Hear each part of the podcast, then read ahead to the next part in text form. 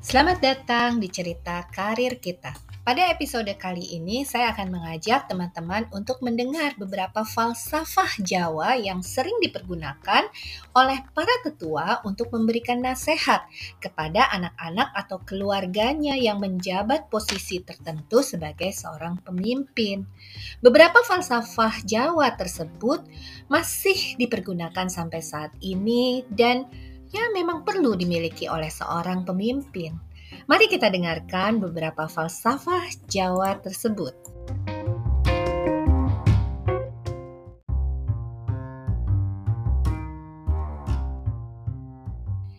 Falsafah pertama, pemimpin letaknya di depan. Ingarso sumtulodo berasal dari kata ingarso yang diartikan di depan. Sum ingsun yang artinya saya dan kata tulodo yang artinya tauladan. Pemimpin bisa menjadi contoh atau panutan yang baik dan bukan memberikan contoh buruk bagi anggota organisasi. Pemimpin perlu memberikan dukungan bagi kemajuan organisasi dan menjadi teladan bagi orang yang dipimpinnya dan orang-orang yang berada di sekitarnya seorang pemimpin memang berada di garis depan untuk memimpin, mampu menggerakkan anak buahnya, dan bisa memberikan inspirasi bagi mereka semua. Dua, pemimpin letaknya di tengah. Ingmadyo Mangun Karso berasal dari kata Ingmadyo yang diartikan di tengah-tengah. Membangun yang memiliki arti membangkitkan dan karso yang memiliki arti bentuk kemauan atau niat. Sehingga seorang pemimpin walaupun memiliki kesibukan yang sangat tinggi namun tetap bisa memberikan dan membangkitkan semangat untuk anggota dan bawahan yang dipimpinnya. Pemimpin tidak malah bersikap menyudutkan atau membuat semangat tim menurun, sehingga tim akan malas untuk bekerja. Pemimpin diharapkan mampu selalu mencairkan suasana sehingga semangat tim tidak kendor dan tidak bersemangat untuk bekerja. Tantangannya adalah banyak orang menganggap seorang pemimpin ini adalah seorang tanpa celah. Padahal sebagai manusia biasa, kita juga harus sangat memahami bahwa tidak ada manusia yang sempurna. Ketiga, pemimpin letaknya di belakang. Tutwuri Handayani. Tutwuri Handayani dirangkai dari kata tutwuri yang memiliki arti mengikuti dari belakang dan kata handayani yang memiliki arti memberikan motivasi atau dorongan semangat.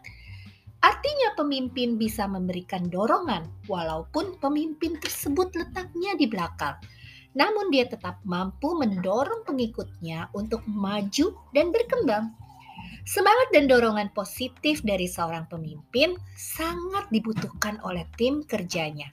Kata-kata seorang pemimpin ini akan berpengaruh di psikologis tim yang dipimpinnya, sehingga seorang pemimpin harus memperhatikan kata-kata yang keluar, karena ucapan seorang pemimpin bisa memberikan dorongan atau bahkan juga bisa memberikan beban untuk tim kerjanya. Seorang pemimpin tidak harus selalu tampil, namun bisa memberikan kesempatan untuk pengikutnya untuk berkembang baik dalam karirnya, sehingga pemimpin tidak bisa bersikap egois atau selalu mementingkan dirinya sendiri. Keempat, rasa memiliki handar beni. Falsafah ini berasal dari kata rasa memiliki. Rasa memiliki akan organisasi tempat kerja akan melahirkan sikap menjaga dan mengayomi semua anggota organisasi atau orang-orang yang menjadi pengikutnya. Kata ini bisa juga berarti membangun chemistry satu jiwa dari pemimpin dengan orang-orang yang dipimpinnya. Apabila ada kesulitan yang dihadapi anggota, maka pemimpin harus bisa peka merasakan ini. Apabila tim kerjanya mengalami kebingungan atau kegalauan, maka pemimpin juga bisa memberikan arahan atau nasihatnya. Memberikan arahan sehingga tim bisa keluar dari permasalahan dengan solusi-solusi yang diberikan pemimpinnya. Kelima, melindungi Hanga Yomi. Seorang pemimpin harus bisa melindungi orang-orang yang dipimpinnya, bukan justru menyiksa atau bersikap cuek. Perlindungan dari seorang pemimpin sangat diharapkan oleh para tim kerja.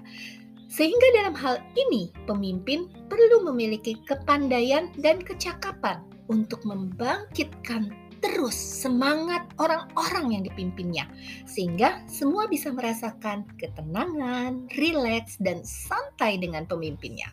Pemimpin tidak juga bisa melakukan penindasan terhadap orang-orang yang dipimpinnya, baik secara fisik maupun secara psikis.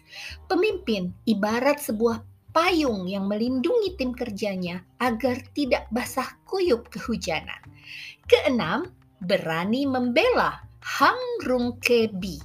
Ini merupakan salah satu hal sulit yang perlu dilakukan pemimpin, yaitu membela.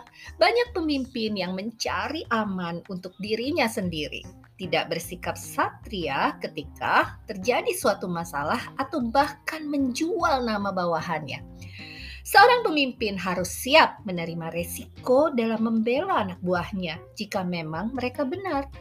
Pemimpin harus bersikap tegas dan tidak bisa sungkan jika memang anak buahnya salah, maka diarahkan baik-baik, diberi nasihat, dan tidak langsung dijatuhkan karirnya. Pemimpin harus tetap berpikir objektif dan berani membela kebenaran. Jika memang benar, katakan kebenaran itu, dan jika memang salah, maka bersikaplah patriot untuk mem minta maaf, dan siap memperbaiki diri.